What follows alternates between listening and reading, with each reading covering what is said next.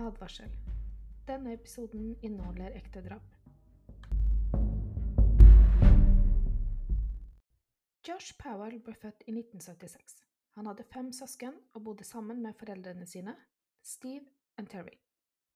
Foreldrene var praktiserende mormonere. Men når Josh er åtte år gammel, trekker faren seg ut av religion. Han deltar i kirken hver søndag med familien. Men til sine tre sønner forteller han at mormonere er fæle folk, og at man kunne ha sex med hvem man ville. Steven hadde også pornografi hjemme, noe som er forbudt av kirken. Moren Terry var veldig troende, og ville oppdra ungene i troen, blant annet at man ikke skulle ha sex før ekteskapet. Moren Terry finner dagboken til ektemannen sin Steve, og nysgjerrigheten hennes seirer. Hun bestemmer seg for å lese litt. I dagboken skriver han at han er så tiltrukket av en venninne av de, og om mannen hennes hadde dødd, ville han gjerne tatt henne inn som sin andre kone. Han skriver også i dagboken at han er tiltrukket av hans eldste datter Jennifer. Han skriver blant annet Når hun kommer inn på kjøkkenet for å spise frokost om morgenen i T-skjorte og truser, blir jeg gal. Han skriver også Når vi to var på tur alene, så gikk hun på hotellrommet i bare truse og bh. Han forteller Jennifer når hun er i tenårene at mormonenes bok er falsk. Når Terry finner ut av dette, blir hun rasende og flytter ut av huset. Men hun kom tilbake igjen. Det begynner da i rådgivning hos kirken. Når man er mormonere og gifter seg, er ikke skilsmisse et alternativ. Ifølge boken deres er ekteskap til evig tid. Josh føler seg i villrede. Med moren som var veldig troende og fulgte mormonens bok og ville at de skulle gjøre det samme. Og med faren som gjorde narr av religionen og prøvde å dra han i den andre retningen. I en alder av 13 år truer han moren sin med kniv da hun ber han om å ta oppvasken. Moren går også inn på rommet hans en gang og ser han undersøke kroppen til lillesøsteren. I en alder av 14 år prøver han å ta sitt eget liv. Moren kommer overraskende på han og klarer å forhindre det. Hun sender han da til kirken for hjelp.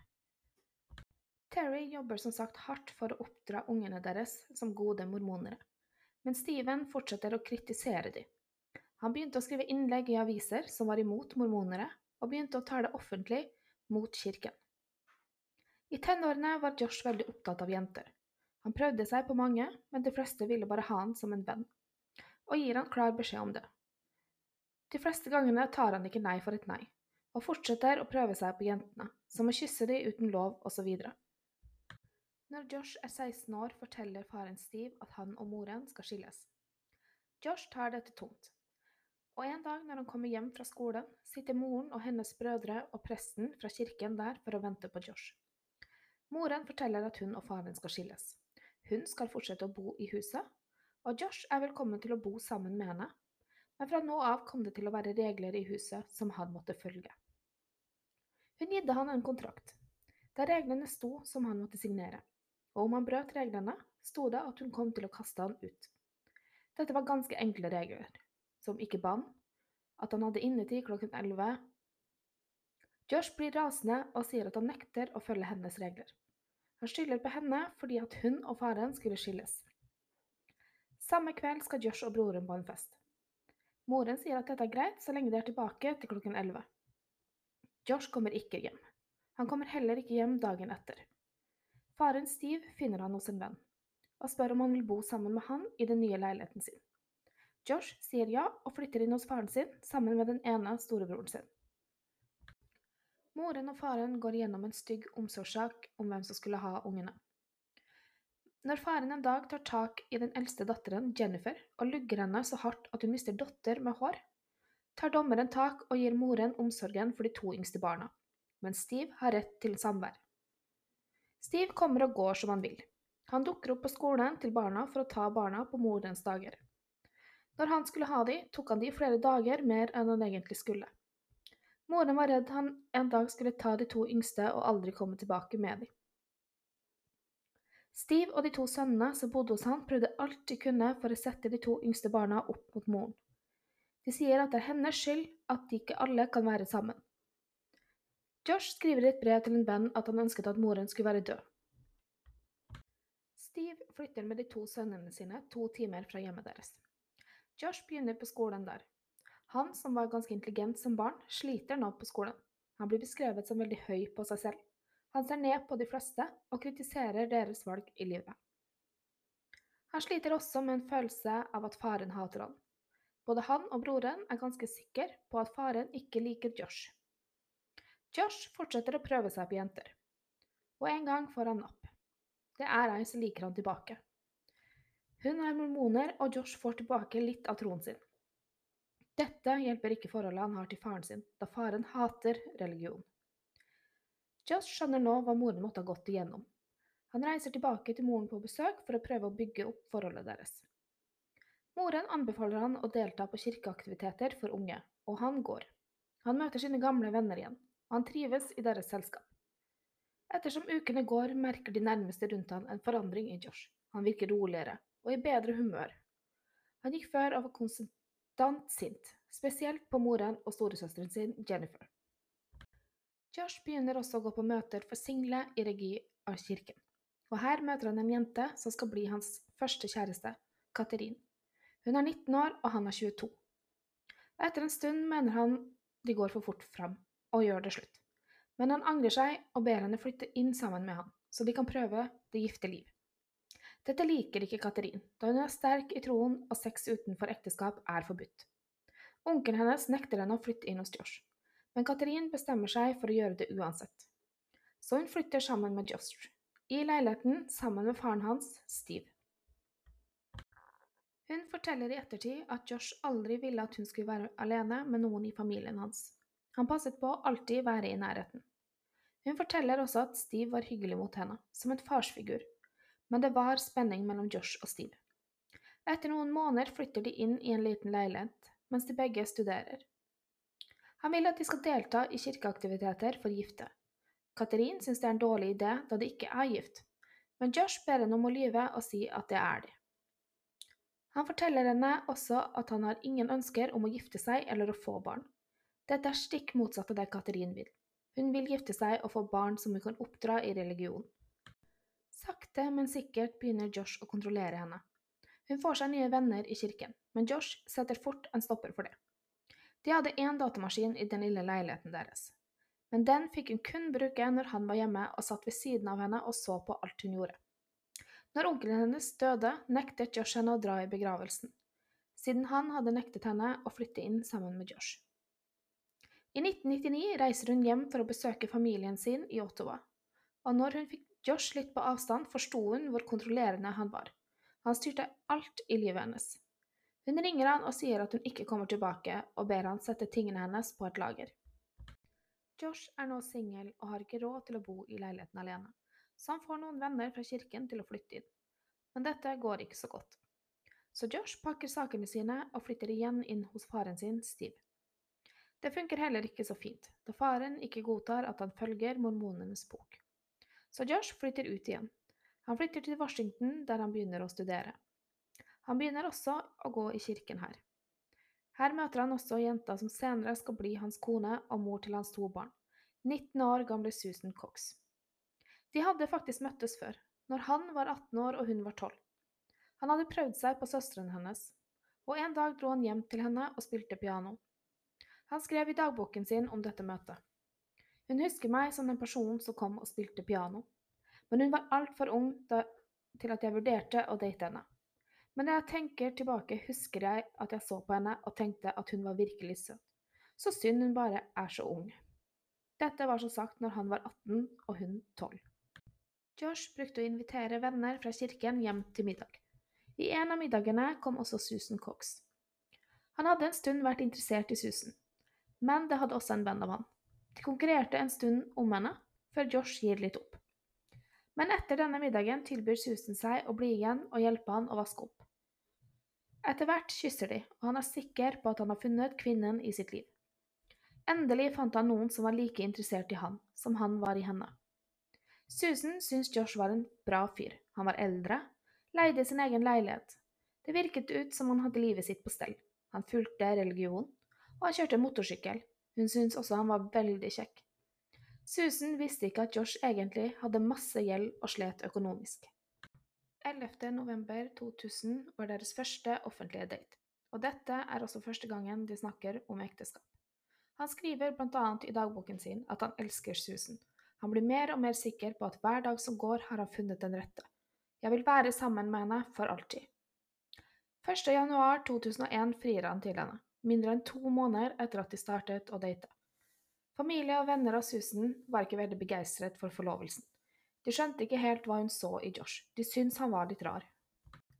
Seks måneder etter at de møttes, den 16. april 2001, gifter de seg.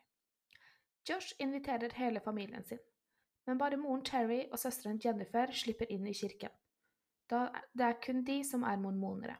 De andre familiemedlemmene hans må stå på utsiden og vente. Ni måneder etter bryllupet blir de kastet ut av leiligheten til Josh fordi han ikke har betalt leie. De hadde ingen penger. Susan studerte og hadde to jobber, men alle hennes penger tok Josh og førte over til sin egen konto. De flytter nå inn hos faren til Josh, Steve, for å spare penger så de kan flytte igjen. Fra før bodde to av brødrene til Josh der også, så det var trangt om plassen. De måtte blant annet sove på stua. Susan sier til en venninne at hun fort får en merkelig følelse av svigerfaren sin, Steve. Hun syns at han ofte stirrer på henne, og en dag hun skal skifte, tar hun han i å stå og se på henne. Han gikk alltid rundt med et videokamera og tok ofte bilder og videoer av Susan. Og på én video sier han til henne, Vi har ikke så mange jenter her i huset, så du skal få full behandling. Susan var en veldig sosial person. Hun var åpen og vennlig. Dette tok svigerfaren som om at hun flørtet med han. Han sier at hun ofte bøyde seg over han så han kunne lukte på håret hennes. At hun lot han ta på leggene hennes, osv. Steve begynner å bli opphengt i susen. Han blir mer og mer tiltrukket av svigerdatteren sin. Ikke bare tok hun bilder og videoer av henne når hun visste det, men også mange bilder og videoer når hun ikke var klar over det. Steve gikk i skittentøyskurven og sniffet på hennes brukte undertøy. Så la han de i plastposer og markerte datoer på de. Han tok hennes brukte bind fra søpla i lukkende plastposer og markerte datoer på disse også.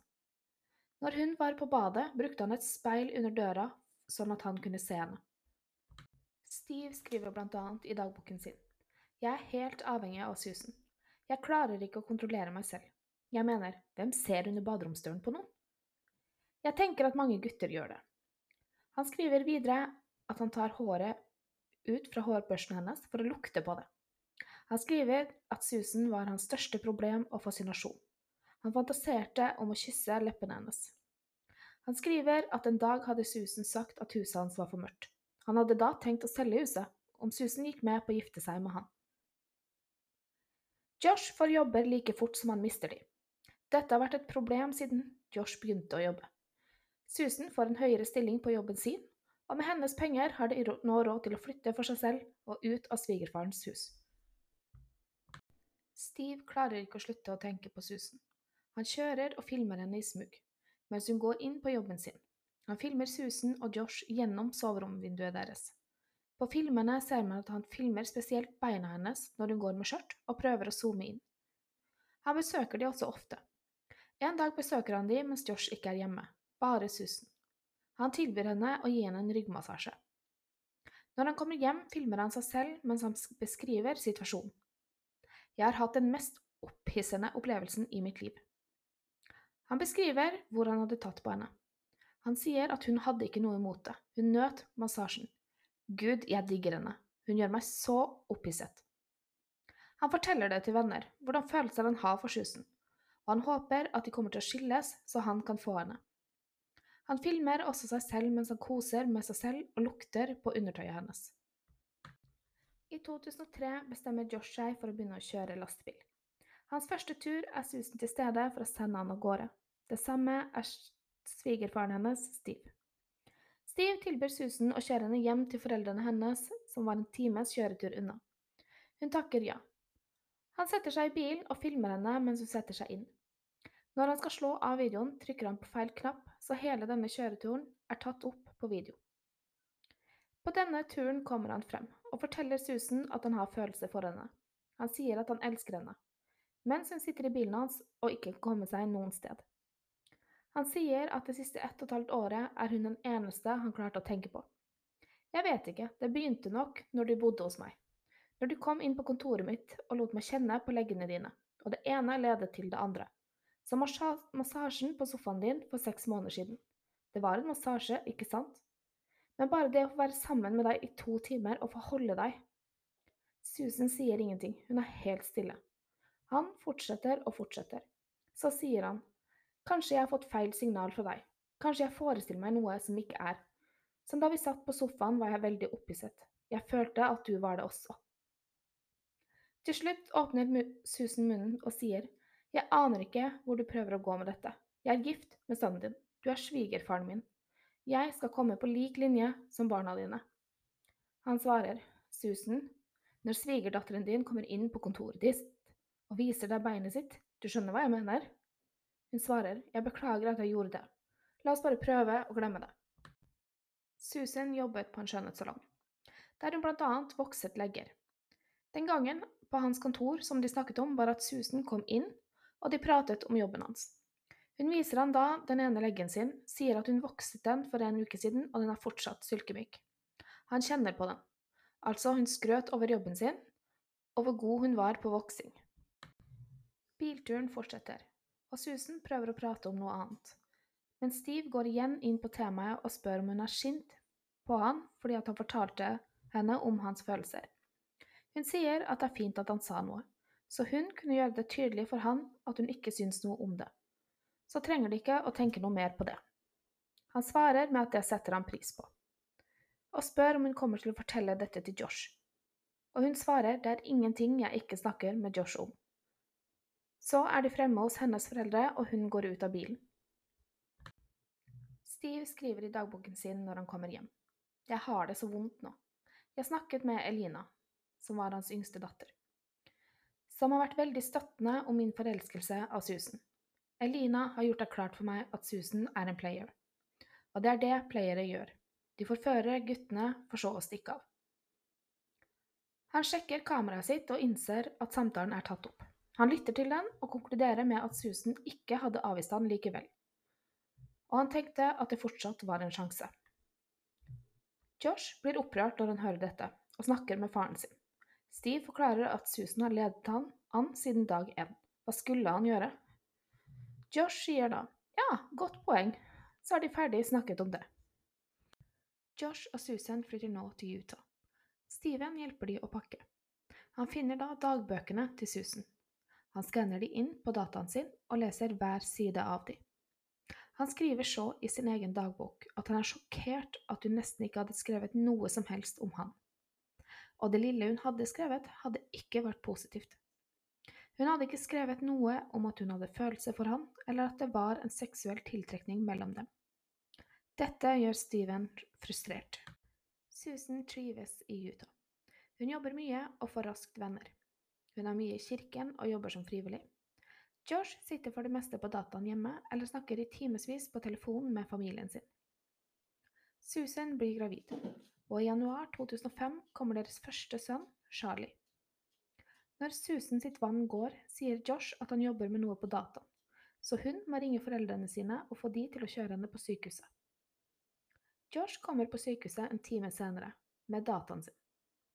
Så mens Susan RVR sitter han på dataen. Susans far må på et tidspunkt gå og slå av dataen og be han gå og passe på barn, kona si. Venner og nære av Josh håpet han skulle vokse opp og ta litt mer ansvar når han ble far. Dette skjedde ikke. Han gitte både sønnen og kona lite oppmerksomhet, og var ikke så opptatt av å jobbe heller, men han elsket å bruke penger. Når Susan er i mammapermisjon, får de støtte av kirken til mat og ting som trengs til en husholdning.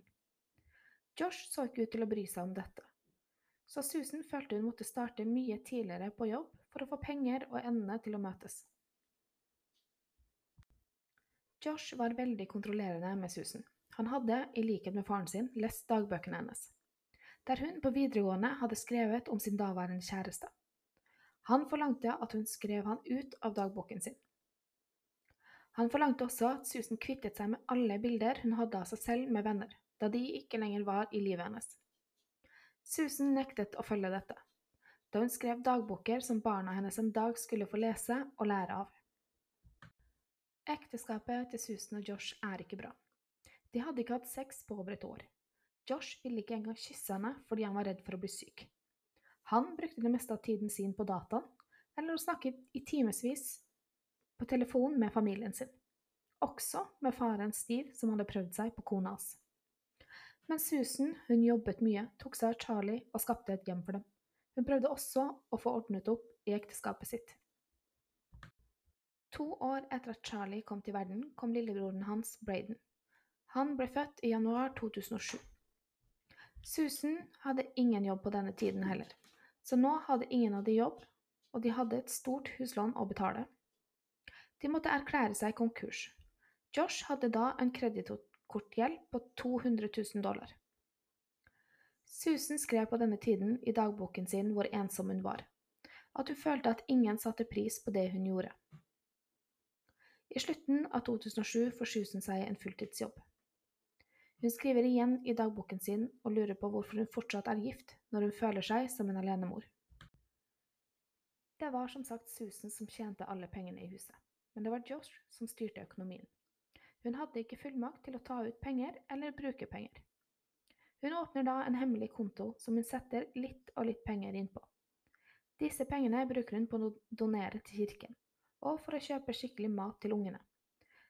Josh var veldig gjerrig på ting som skulle til familien, inkludert mat, men brukte store summer på seg selv. Han kjøpte flere dataer, harddisker og dyre tilbehør. I 2008 skriver Susan i dagboken. Jeg føler meg som en fange i mitt eget hjem. Kjemper for å få tro på min religion og praktisere den i mitt eget hjem. Jeg kan ikke tro at ekteskapet vårt ble ødelagt så fort. Jeg føler meg så blind, naiv og dum. Jeg er så takknemlig for guttene mine. Men de kommer til å vokse opp og flytte videre. På denne tiden vurderte Susan skilsmisse. Dette var forbudt i religionen hennes, men hun hadde det helt forferdelig i ekteskapet sitt. 28.6.2008 skriver Susan et testamente. Jeg sykler daglig til jobb og har vært ekstremt stresset i tre–fire år nå. For meg og mine gutters sikkerhet føler jeg at jeg må ha et testamente her på jobb som ikke min mann kan finne. Vi har vært på et kurs med kirken om testamentet, og jeg vet at han kan styre testamentet mitt. Men jeg vil ha det dokumentert et sted at ekteskapet vårt ikke er bra. Han har truet med å rømme landet og sagt hvis vi skiller oss, vil det ikke være advokater der, bare en megler, og jeg vil ødelegge deg. Jeg vil også være ødelagt, men du vil bli knust, og livet ditt vil være over, og guttene vil vokse opp uten mor og far. Hvis det skjer meg noe, vær så snill å snakke med min svigersøster, Jennifer Graves, og min venn Kirsty Helloway. Se bloggene mine på MySpace. Se på arbeidskontoret. Snakk med mine venner, kollegaer og familie. Vi har en livsforsikring på over én million om vi dør innen de neste fire årene. Kollegaer, venner og familie har hørt meg si dette. Jeg vil at ekteskapet mitt skal fungere. Jeg har sagt til mannen min at han er deprimert og har problemer. Og vi som en familie på fire er ikke lykkelige. Og vi viser ikke hvordan en mann og kone skal fungere. Han vil ikke dra til ekteskapsrådgivning. Hvis jeg dør, er det kanskje ikke en ulykke, selv om det kanskje ser sånn ut. Ta vare på guttene mine. Jeg vil ha foreldrene mine veldig involvert og ha ansvar for livet deres. Hvis de ikke er der, kan min søster forhåpentligvis være ansvarlig. Jeg elsker guttene mine, jeg lever for dem. Jeg velger å ikke være utro eller ta narkotika i redsel for å miste dem. Hun skriver også en beskjed til guttene sine på arket. Jeg elsker dere. Jeg er lei meg for at dere må se hvor fælt ekteskapet vårt er. Jeg vil aldri forlate dere. Hun putter dette i en konvolutt og skriver utenpå konvolutten. For venner og familie av Susan. Alle unntatt Josh Powell, ektemann. Jeg stoler ikke på han. Dato lørdag 28. juni 2008. En måned senere lager hun en video der hun filmer huset sitt og alle eiendelene deres. Susan og Josh hadde én ting til felles, og det var å se på true crime. Det som fascinerte Josh mest, var morderen, og når de ble tatt. Han fortalte alltid hva han ville gjort annerledes for å ikke bli tatt, og hvor viktig det var å sikre at politiet aldri fant kroppen den man drepte. Dette fortalte han også på julebordet med jobben til Susan i 2008. Han fortalte kollegaer av Susan hvor viktig det var å bli kvitt liket så politiet ikke fant det. Da kunne man ikke bli tatt. Han forteller at om han hadde drept, hadde han tatt liket i ørkenen og dumpet det i en gruvesjakt som var forlatt. Så ville han hakket litt på toppen, så masse og stein kom over liket. En gruvesjakt er gjerne ustabil å komme seg til bunnen av. Det er risikofylt, og man kan ikke komme seg til bunnen for å se. Som sagt snakker Josh mye i telefonen med familien sin, spesielt med faren Steve. En dag kommer Susan inn i huset, og da sitter hennes to sønner på fanget til Josh. Og hun hører at Steven forteller de at moren deres er ond. Hun tvinger de til å gå i kirken, men de trenger ikke å gå i kirken. De trenger ikke å høre etter på hva moren sier, og Gud, han finnes ikke. 7. september 2009 står dagmammaen til de to sønnene til Susan og Josh og venter på dem. Men de dukker ikke opp. Hun ringer hjem til dem, men får ikke svar. Hun ringer da jobbtelefonen til Susan. Den blir heller ikke svart. Hun ringer på jobben til Josh, og her får hun beskjed om at han ikke har dukket opp på jobb. Han har heller ikke gitt beskjed hvorfor. Hun kjører til huset deres. Det hadde snødd en del, og hun legger merke til at det ikke er spor av verken føtter eller bildekk i snøen. Hun blir nervøs og tenker at de kanskje er inne i huset og noe har skjedd. Hun ringer da søsteren til Josh, Jennifer. Jennifer kjører bort til huset deres, og dagmammaen ringer 911 klokken 09.43. Klokken 10.02 kommer politiet til huset deres. Politiet bryter seg inn og finner stereoen på. Noen varmeuter går, bilen til Josh var borte, men Susans bil sto i garasjen. Jennifer, søsteren til Josh, blir fort sikker på at Josh hadde gjort noe med Susan.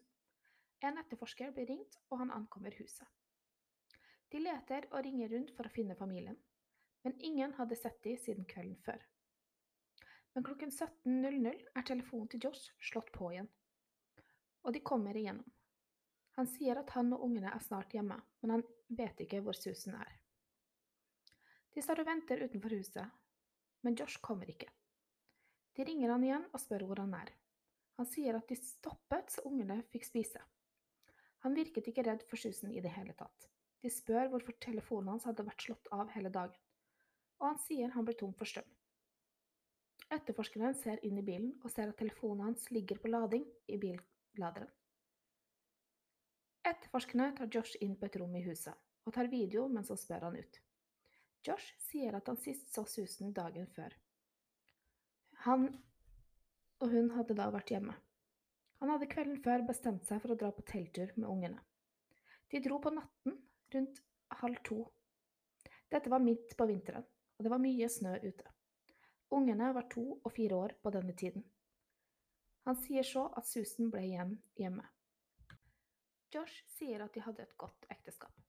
De hadde mange uenigheter, men ekteskapet var godt. Venner og familie av Susan forteller om et ekteskap med mye krangling og uenigheter. Når han blir konfrontert med at de hadde vært til ekteskapsrådgivning, sier han at det var fordi Susan syntes han var lat, og at han ikke var så religiøs som henne, og ingen annen grunn. Han virker verken bekymret eller redd for at Susan er savnet og ikke kan finnes noen steder. Alle kortene og eiendelene til Susan er hjemme, forutenom telefonen hennes. De spør Josh hvor telefonen hans er, han svarer 'jeg vet ikke'. Josh spør aldri hva som blir gjort i søket etter henne. De spør om de kan undersøke bilen hans, og han signerer på at de kan sjekke den, men han skal stå og se på, og han kan stoppe de når som helst. I bilen finner de en blå søppelpose, en spade og en rake. De finner en elektrisk sag og en håndsag. De ser at han hadde ikke med seg noe telt til camping. Han hadde jo sagt at de hadde vært på camping. De finner også telefonen til Susan, men uten SIM-kortet hennes. Når Josh blir spurt om dette, så sier han at han lånte telefonen hennes dagen før, og må ha glemt å gi den tilbake. De søkte ikke i huset deres denne kvelden. De lar Josh gå inn i huset og ber han komme til stasjonen klokken 09.00 neste morgen. Neste morgen klokken åtte ringer etterforskeren for å minne han på avtalen klokken ni, og at han ikke må ta med seg barna. Men Josh svarer ikke på tele denne telefonen. Naboene rapporterte at de hadde sett han ute klokken åtte på morgenen, der han sto og vasket innsiden av bilen. Søsteren Jennifer kommer for å passe barna mens han skulle til politistasjonen. Men han hadde ingen hastverk med å dra til stasjonen. Han var inne og vasket huset når hun kom. Han kom seg først til stasjonen klokken to. Tre timer etter avtalen han hadde dagen før. Han begynner da med å fortelle at han hadde ringt advokaten sin. Han sier han føler at de mistenker han. For hvert spørsmål de stiller, tar han lange pauser før han svarer. Han forteller at Susan var deprimert og hadde selvmordstanker. Etterforskeren forteller han at de kommer til å sjekke bilen og huset deres grundig. Josh spør om han er arrestert, og de sier nei. Da reiser han seg opp og sier han vil tenke seg om noen dager om han vil snakke med politiet eller ikke. Etterforskerne spør da om han mener alvor. Kona di er savnet, de første timene er de viktigste, og du vil tenke på det noen dager om du vil hjelpe oss å finne henne. Josh sier ja, han har allerede svart på alle spørsmål, så han vil bruke noen dager på å tenke på det. Mens Josh er på politistasjonen, kjører søsteren Jennifer barna hans til et senter som er spesialisert til å snakke med barn, for å se om de har noe å si. Sønnen Charlie sier at Susan var med i bilen denne natten, men hun hadde bestemt seg for å være igjen sammen med de fine blomstene og krystallene som var der. Han sa at moren var lykkelig over å være igjen der krystallene var så fine. Etterforskerne som snakker med Josh, får vite dette rett før han skal gå, og gir beskjed til Josh hva sønnen hadde sagt. Men Josh står på sitt og sier hun var ikke med på turen. De må la Josh gå, da de ikke har noen bevis mot ham. Men de håpet de kunne finne noe i bilen eller hjemmet deres som kunne brukes som bevis. Bilen var helt rengjort. Alt utstyr fra i går var ute av bilen. Det som var igjen, var to søppelposer. En med matrester fra huset deres, og en med brent materiale og mye aske. Politiet trodde Josh skulle kaste dette i en annen søppeldunk langt fra huset deres. Derfor hadde, han lagt det i bil. Han visste jo ikke at de kom til å ta bilen hans. Når de var ferdige å undersøke bilen hans, setter de på en GPS-sporer for å se hvor han kan dra. I huset finner de små blodsprut på veggen ved sofaen. De fant også en blodflekk i sofaen som akkurat hadde blitt forsøkt vasket bort. Tester viser at blodet var susen sitt. I vaskemaskinen finner de tepper og vaskeutstyr som hadde blitt vasket. De finner ut at flere datamaskiner og harddisker hadde blitt fjernet. Josh måtte gi fra seg telefonen sin før han gikk fra stasjonen, men han hadde klart å ta ut SIM-kortet før han gitt den til dem. Fra telefonselskapet viser det seg at søndagen klokken tolv hadde han snakket med faren sin Steve. Så hadde han slått av telefonen, og den var avslått til 15.00 neste dag. Når etterforskerne til Susan drar på jobben hennes, finner de testamentet hennes. Det kommer også frem at Susan hadde sagt til flere venner at om noe skjedde med henne, måtte de sørge for at politiet gransket ektemannen hennes. Etter at Josh drar fra politistasjonen, drar han til flyplassen og leier seg en leiebil, og han kjører i 100 mil med denne. Når de spurte han hvor han var, sa han at han bare kjørte rundt omkring. Politiet bedde han om å komme og gjøre en, ta en løgndetektortest, men den timen kom han ikke til. Etterforskerne reiser hjem til faren hans Steve. Jennifer hadde sagt til politiet hvor opphengt han var i Susan, og at hun trodde han kunne ha hjulpet Josh med dette. Steve forteller etterforskerne at Susan var vill etter ham, At på grunn av hennes religion var hun desperat etter seksuell kontakt siden hun hadde undertrykt den så lenge. Han forteller at han fortalte Susan at han elsket henne. Så hun ikke skulle flytte til Utah, men bli hos han. Hun ble sint når jeg sa dette, og ville ikke snakke med meg på månevis etter dette. Han sier hun nektet å prate med han, men når han kom for å hjelpe dem med å flytte ut, kom hun ut av soverommet. Hun snakket ikke med han, men han mente at de hadde en seksuell tilknytning til hverandre, og at de begge følte det. Etterforskerne sier de vil hjem til han for å se om han har gjemt Susan der. Da begynner Steve å gråte og si hun er ikke der, men jeg skulle ønske hun var der.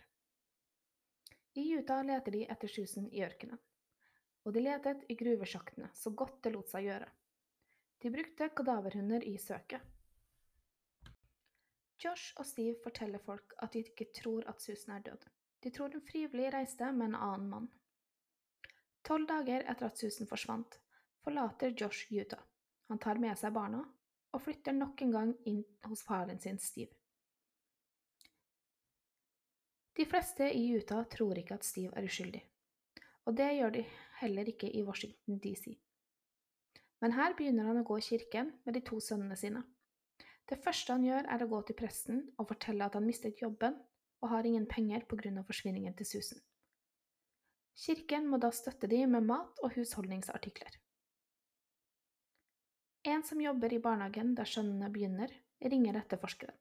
Hun forteller at Charlie var helt vill, og hun hadde sagt til han at han måtte roe seg, ellers kom hun til å fortelle det til mamma og pappa. Charlie hadde da svart, mamma er død. Steven gjester et TV-show og forteller hele verden hvor seksuell hun var, at hun var forelsket i han, og han var forelsket i henne, at Josh visste om deres forhold, og han hadde ikke hatt noe imot det. Josh gitt også intervju. De begge snakket nedlatende om Susan og hennes familie flere ganger. Jennifer går ut i media og forsvarer Susan og hennes familie, og hun forteller at det er hennes familie som er ustabil. Etter hvert får etterforskerne en ransakelsesordre for å søke huset til Steve. I et låst skap finner de Susans klær og undertøyet han hadde stjålet. De brukte tampongene hennes, bilder han hadde tatt av Susan som hun ikke var klar over. Bilder av bryllupet til Josh og Susan der han hadde klippet ut sønnen sitt ansikt. Filmer av Susan og andre kvinner. Og 15 dagbøker som tilhørte han. De fant også flere lydklipp der han hadde skrevet og sunget inn sanger. De fleste handlet om Susan. Han skrev blant annet i dagbøkene sine at ekteskapet mellom Josh og Susan var et ekteskap fra helvete at Josh hadde hatet Susan og ville hatt henne død. Han snakker til og med om det, at han fantaserer om at hun skal bli utsatt for en ulykke. De fant også over 1600 bilder av to nabojenter i alderen 8 til 10 år. Dette var bilder av de på badet sitt mens de skifter og bader, som Steven hadde tatt gjennom soveromsvinduet sitt. Steve ble arrestert, Josh sin storebror bodde også hjemme hos Steve. Han brukte å gå rundt i huset naken, og en dag han hadde åpnet døren til politiet, sto han der bare i en bleie. Politiet velger å ta barna fra Josh, da de ikke vet om han er med på dette. Josh visste ingen følelser når politiet kommer og tar barna hans. Han sier ikke ha det eller noe til dem. Barna havner først i en fosterfamilie. Det var tydelig at denne familien at barna hadde blitt hjernevasket. Barna sier at mormonere er slemme, Gud var slem, og politiet var slem. Josh jobber aktivt for at barna ikke skal til foreldrene til Susan, men han blir ikke hørt i denne saken, og besteforeldrene får lov til å ta seg av sønnene til Susan. Det første den største sønnen gjør, er å gå bort til et bilde av Susan som hang i stuen. Han ser lenge på det og sier at dette er mammaen min, hun var en god mamma, i 2011 kjemper Josh videre for at barna ikke skal bo hos besteforeldrene. Og om han ikke kunne få dem, ville han heller at de skulle i et fosterhjem. Dommeren sier at barna skal være hos besteforeldrene, men Josh skal få besøk av dem tre timer hver søndag. Til stede skulle det være en ansatt fra barnevernstjenesten for å observere. En dag i barnehagen tegner Charlie et bilde av familien sin på camping. Barnehagetanten spør hvor er mamma? Og han svarte, hun er i bagasjerommet. Ei som jobbet i barnevernet, ringer politiet og sier at Josh ikke burde møte barna sine. Men politiet sier at så lenge han ikke slår dem, kan de ikke gjøre noe. De finner bilder på dataen til Josh som seksualiserer barn gjennom tegnefigurer. En psykiater skal også vurdere Josh som far. Denne psykiateren mener han er narsissist og ikke burde få tilbake barna sine ennå, men han burde gå til behandling flere ganger i uken. Når psykiateren får greie på at Josh hadde seksualiserende bilder av barn på dataen sin, skriver han ett til notat, der han mener Josh må gå gjennom en behandling for dette også. Blant annet en behandling som finner ut om han har en seksuell dragning til barn. Josh får notatet, og her rakner det helt. Noen dager etterpå går Josh i banken. Han tar ut en del penger, og resten av pengene sine overfører han til lillesøsteren sin. Han tar alle lekene og bøkene til barna og donerer de. Han visste at barna aldri skulle leke med disse lekene igjen. 5. februar får lillesøsteren flere mailer av Josh. Praktisk info om hvordan hun skal ta seg av huset hans osv. Han legger også igjen en tallbeskjed til henne der han sier Jeg ringer for å si ha det. Jeg klarer ikke å leve uten sønnene mine. Jeg klarer ikke å fortsette lenger. Unnskyld til alle jeg har såret. Ha det bra. Hun ringer 911 og sier at hun er redd for han. Operatøren spør om det er samme Josh Powell som har vært på nyhetene. Lillesøsteren begynner å gråte og forteller hvor vanskelig det har vært for han. Folk har terrorisert han. Operatøren sier de skal sende noen hjem til han for å se. På samme tidspunkt ankommer sønnene og Elisabeth, en ansatt i barnevernstjenesten, hjemme til Josh. Når Elisabeth kjører opp til huset, står Josh og venter på dem ved døren. Barna springer mot faren sin og rett inn i huset. Hun hører mens hun går ut av bilen at han sier til dem at han har en overraskelse til dem. Hun går mot døren, møter øynene til Josh, og han lukker døren og låser den.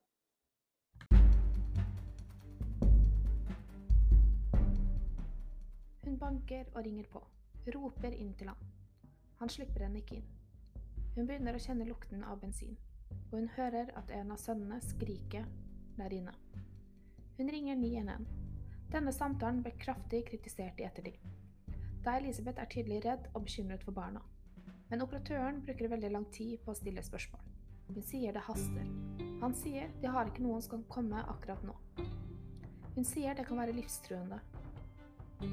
Og han sier han sender noen når de er ledige. Så legger de på. Elisabeth bestemmer seg for å flytte bilen sin fra oppkjørselen da lukten av gass blir sterkere. Idet hun parkerer bilen på andre siden av gaten, eksploderer det i huset, og det brenner. Hun ringer igjen 911. De finner Josh og de to små guttene på soverommet. Ved siden av de ligger en brent øks. Josh hadde brukt denne øksa på begge guttene før han satte fyr på huset. Guttene ble fem og sju år. De to små barna ble begravd i samme kiste. På steinen deres er også morens navn Susan, som familien håper blir funnet og en dag kan bli begravd sammen med guttene sine.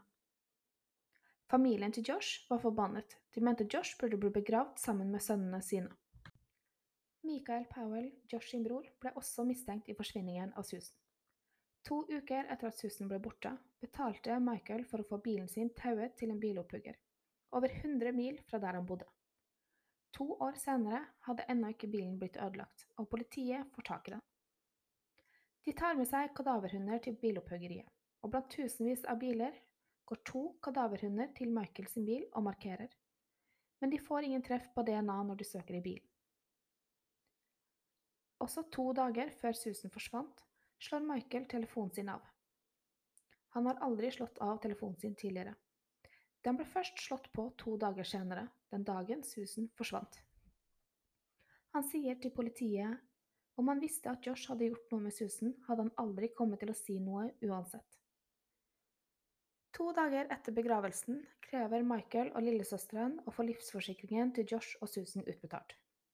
Men siden Susan ikke var erklært død, fikk de ikke dette. Noen måneder senere hopper Michael fra en bygning i sentrum av Minneapolis. Han dør momentant. Faren deres, Steve, døde av et hjerteinfarkt i fengsel i 2018. Hva som skjedde med Susan og hvor hun er, vet man ikke. Døde sannheten med Josh, Michael og Steve? Har du ris eller ros eller saker du ønsker jeg skal snakke om, finner du meg på Instagram under Drapspodden.